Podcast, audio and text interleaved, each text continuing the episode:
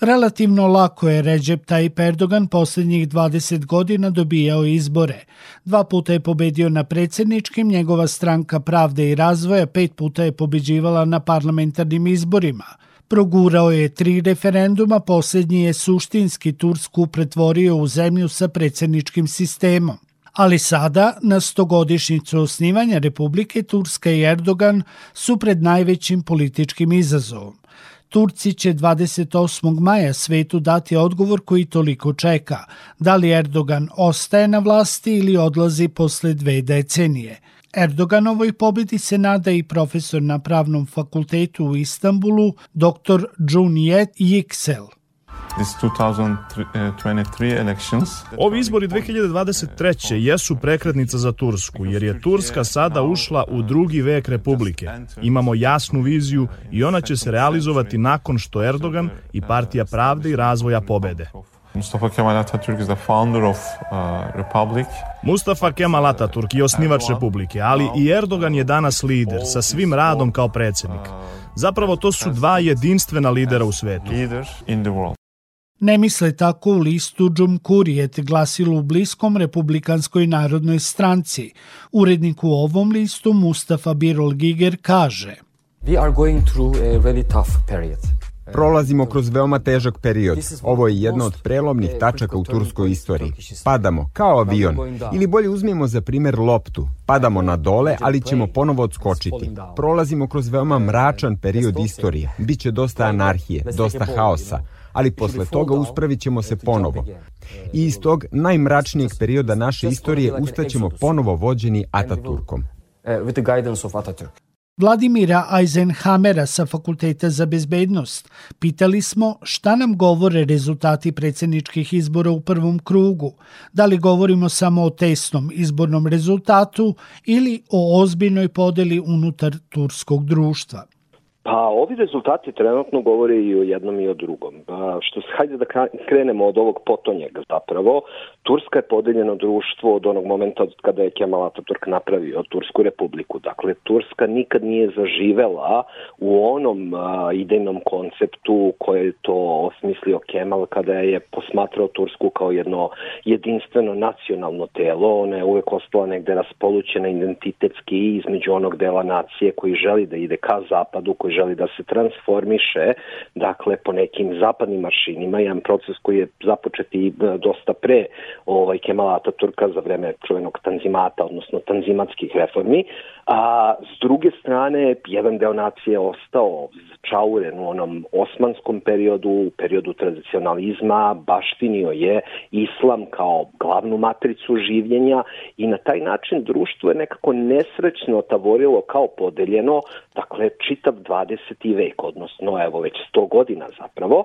A, ono što je još dodatno dolivalo ulje na vatru jesu brojni ideološke podele koje su se javile tokom hladnog rata, pogotovo tada su intenzivirane, radikalna levica, radikalna desnica, zatim brojni vojni pučevi, tako da se u tim turskim podelama nekako spojila i horizontala i vertikala, ideologija s jedne strane i religija s druge strane, a na vertikalnoj niti civilno društvo i vojne vlasti koje su se negde sa političkim elitama onda na koncu konca sjedinile i zapravo postale dugo vremena glavna politička determinanta u Turskoj. Sve se to naravno promenilo sa dolaskom Erdoana i jaka partije i nekih prvih deceniju. Erdoan je zapravo, bez obzira što se deklarisao kao umereni islamista, uspeo da donekle miri tursko društvo, jako interesantno prvih deceniju njegove vladavine, za njega su glasali i sekularisti zato što je zaista liberalizovao tursko društvo u pravcu ekonomije, pre svega doneo je određeni ekonomski prosperitet, nešto što su prethodne vlade obećavale. Međutim, onda od 2010. 2011. godine situacija se rapidno menja i tursko društvo zapravo zapada sa Erdoanom pod uticajem pre svega spoljnih izazova u jedan vid autokratije i ta autokratska nota nekako ovaj, s godinama sve više raste, pogotovo uvođenjem predsjedničkog sistema 2018. godine, gde je Erdogan na kraju uspešno gotovo svu vlast egzekutivnu koncentrisao u svojim rukama. Iako je Erdogan skoro 3 miliona glasova u prednosti u odnosu na glavnog opozicijonog kandidata Kemala Kilić Daroglua, Eisenhamera podsjećamo na njegovu ocenu da je opozicija napravila veliki pomak sa više od 40 osvojenih glasova. Na direktno pitanje šta ih je sprečilo da eventualno odnesu pobedu u prvom krugu, kaže – očekivali smo, odnosno neke bankete su pokazivale mogućnost Erdovanog poraza još u prvom predsedničkom krugu, ovaj, međutim to se nije dogodilo, pre svega po mom skromnom mišljenju zbog lošeg odabira kandidata dakle protiv kandidata Erdovanog, izbor je pao na Kemala Kirić Doroglua, vremešnog vođu Čeha partije, a, dakle republikanske partije, glavne opozicijne partije u Turskoj, koji već evo koliko je on i on nešto više od decenije na čelu svoje partije nije bio sposoban da porazi Erdogana, dakle od prvih izbora koje on vodio predsedničkih 2014. godine, kada smo imali prve neposredne izbore za turskog predsednika, kada je stao iza kandidata koji je zapravo bio islamista u nadi da će na taj način Erdoganu preoteti neki deo glasova, zapravo izgubio je samo i svoje glasove. Onda smo imali ponovo naredne predsjedničke izbore, tada smo već imali situaciju u kojoj, mislim, već je potpuno jasno da Erdogana niko ne može da porazi od stare garde. Muarem Inče se pojavio tada kao protiv kandidat, ni on nije uspeo na izborima da bitno poljuje Erdogana. Erdogan je svaki put imao preko 50%, da bi sada prvi put opozicija, opozicioni kandidat prešao 40%, međutim i dalje ostaje kao bolna činjenica kalkulacija koja je promašena, a o njoj se duboko raspravljalo u turskoj opoziciji proteklih godinu dana, a to je da li uzeti Ekreman Imamoglu'a, gradonačelnika Ankare koji je 2019. godine ostvario neverovatnu pobedu na DKP-om u Istanbulu, preoto Istanbula, imate onu čuvenu frazu ko vlada Istanbulom, vladaće Turskom, ili pak uzeti Mansura Javaša, ovaj, takođe gradonačelnika Ankare, koji je takođe tamo ostvario ovaj veliku pobedu nad AKP-om kao nešto mlađe, harizmatičnije i e, narodu prijemčivije političare. Niko od analitičara izgleda nije ni slutio da će se u ponedeljak Sina Nogan probuditi kao najbitniji Turčin, imajući u vidu da je u predsjedničkoj trci bio treće plasirani. Eisenhamera smo pitali da li će njegova podrška u drugom krugu zaista značiti pobedu kandidata kojeg direktno podrži i šta misli ko će prihvatiti njegove uslove za podršku. Pa evo ovako, ja bih vas dopunio malo, ne samo da niko od analitičara nije to mogao da pretpostavi, ja mislim da ni sam mogu nije mogao to da pretpostavi kada se probudio tog dana, šta će se desiti. Dakle, od jednog a, otpadnika MHP-a, ultranacionalističke partije, ovaj čoveka koji je poveo još radikalniji ovaj politički narativ u turskom društvu prema izbeglicama, prema Kurdima, dakle on je već dovoljno kod MHP-a onako radikalan, međutim ovde sada imamo situaciju da imamo čoveka koji je zaista na granici otvorene ksenofobije, a on je naravno jedan broj takvih birača sebi privukao. E sada kada pogledamo koje je to biračko telo i koji je to procenat dakle tih nekih preko 5%, zaista onako tvrdokornih, radikalnijih birača, onda mislim da već sami dobijemo odgovor na to kome će se ti glasovi preliti. A, Ogun je rekao da će svoje glasove dati, odnosno pozna, pozvati svoje birače da glasaju za onog kandidata koji se javno obaveže da će ispoštovati njegova tri uslova, tri crvene linije. Prva crvena linija mu je da nema nikakvih pregovora sa Kurdima i nema koalicije sa HDP-om, kurdskom u parlamentu. Drugi uslov mu je da se sirijski izbjeglice vrate kući i treći uslov je u suštini da ovaj se da garant sekularnoj državi. Sada kada pogledate po čijoj mustri su ovi zahtevi iskrojeni, meni barem izgleda su oni znatno prihvatljiviji Erdoganu.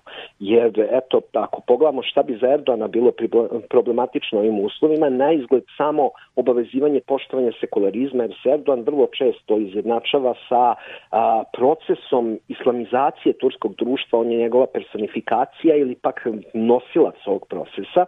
Međutim, to je samo na prvi pogled. Vi nemamo sada ovde dovoljno vremena kada bi ušli u detaljniju analizu, dakle onoga što se dešavalo i sa turskim institucijama u proteklih 20 godina od kada je Erdogan na vlasti, vidjet ćemo da prava islamizacija zapravo nikad nije zaživela.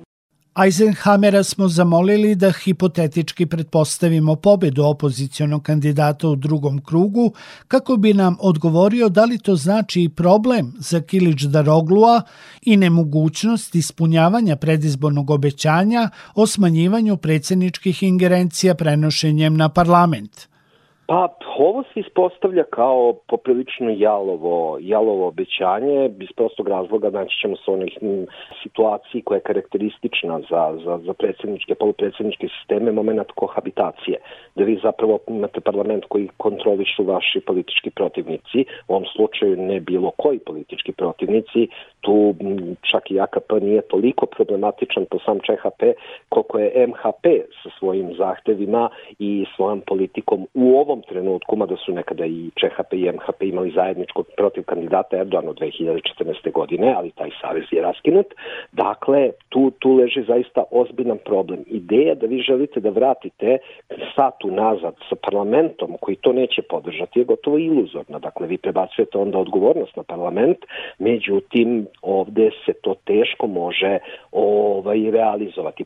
Dakle, u tom smislu, ukoliko ovaj, oni i dobiju nekog od nezavisnih kandidata na svoju stranu, što je uvek moguće, dakle, tada možemo govoriti da ne postoje mogućnosti referendumskog pokretanja ovog pitanja. Ovo pitanje, kao se sećamo, 2018. godine je rešavano na referendumu, dakle, ono bi moglo da ide i na referendum ponovno, ali potrebna je podrška parlamenta. I u tom smislu ona može izostati, jer AKP neće biti teško da zadrži, da zadrži ovaj, a, tu nadmoćnu većinu da ovaj proces spreči. Tako da se ja ne bih, ne bih preterano kladio na to da ovo obećanje može biti ispunjeno, ali ono gde Kiriš Daroglu može da bude ovaj, spokojan po tom pitanju jeste da to neće biti onda njegovom a, obmanom ili nevoljnošću da a, obećano sprovede u delo, već jednostavno neće imati tehničkih mogućnosti.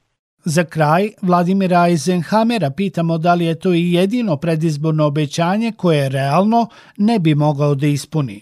Ono što je sa druge strane problematično jeste da on neće moći da ispuni neka druga obećanja, pre svega ona koje se tiču spoljne politike, okretanje jačeg Turske ka Evropskoj uniji, To ne zavisi od Turske, nikada nije u potpunosti zavisilo od Turske, to zavisi od Brisela, zavisi od Berlina i Pariza, dakle vodećih država Evropske unije i u tom kontekstu Turska jednostavno nije viđena i dalje kao poželjni član evropske porodice u kontekstu Evropske unije. Što se NATO-a tiče, tu neko resetovanje odnosa može doći u obzir i poboljšanje ali bojim se da je ono kratkoročno, jer veze koje Erdogan napravio sa Moskvom su po Tursku poprilično blagorodne. U situaciji u kojoj turska ekonomija se suočava sa svim izazovima sa kojima se suočava, seći veze sa Rusijom sa kojim imate dakle milionske aranžmane u, u, u ovaj aršinima i građevinskog sektora i poljoprivrede pre svega poljoprivrednih proizvoda neverovatnu ovaj privrednu razmenu zajedničke energetske poduhvate što otvaranje nuklearnih elektrana što smo videli sada što dalje gasnih aranžmana koji se planiraju to bi bilo ravno samoubistvu ili sečenju grane na koji sedite. Dakle, u tom kontekstu Zapad bi od, od Kiriš Daroglove Turske, ako bi on došao na vlast, zahtevao radikalno okretanje kornela ka Zapadu, uvođenje sankcija Rusiji i, dakle, jasno svrstavanje po pitanju ukrajinskog sukoba na stranu Zapada to za Tursku neće biti toliko ovako izvodljivo i nisam siguran da bi se i sam Kiriš Daroglu na kraju odvažio na nešto tako jer bi to Tursku onda gurnulo još dublji ekonomski ambis. A, tako da je to jedno veliko ovaj, a, kako da kažem, izneverava, izneveravanje onih birača koji bi eventualno u to poverovali, mada mislim da je čitava ova priča više plasirana da bi se dobila podrška, podrška Zapada. Protivnik Ređepa Tajipa Erdogana u predsjedničkoj trci, Kemal Kilić Daroglu zaoštrio je ton prema migrantima, obećavajući između dva izborna kruga da će vratiti sve migrante u njihove zemlje kada bude izabran za predsjednika 28. maja. Sektor Plus. Svet sa naslovnice.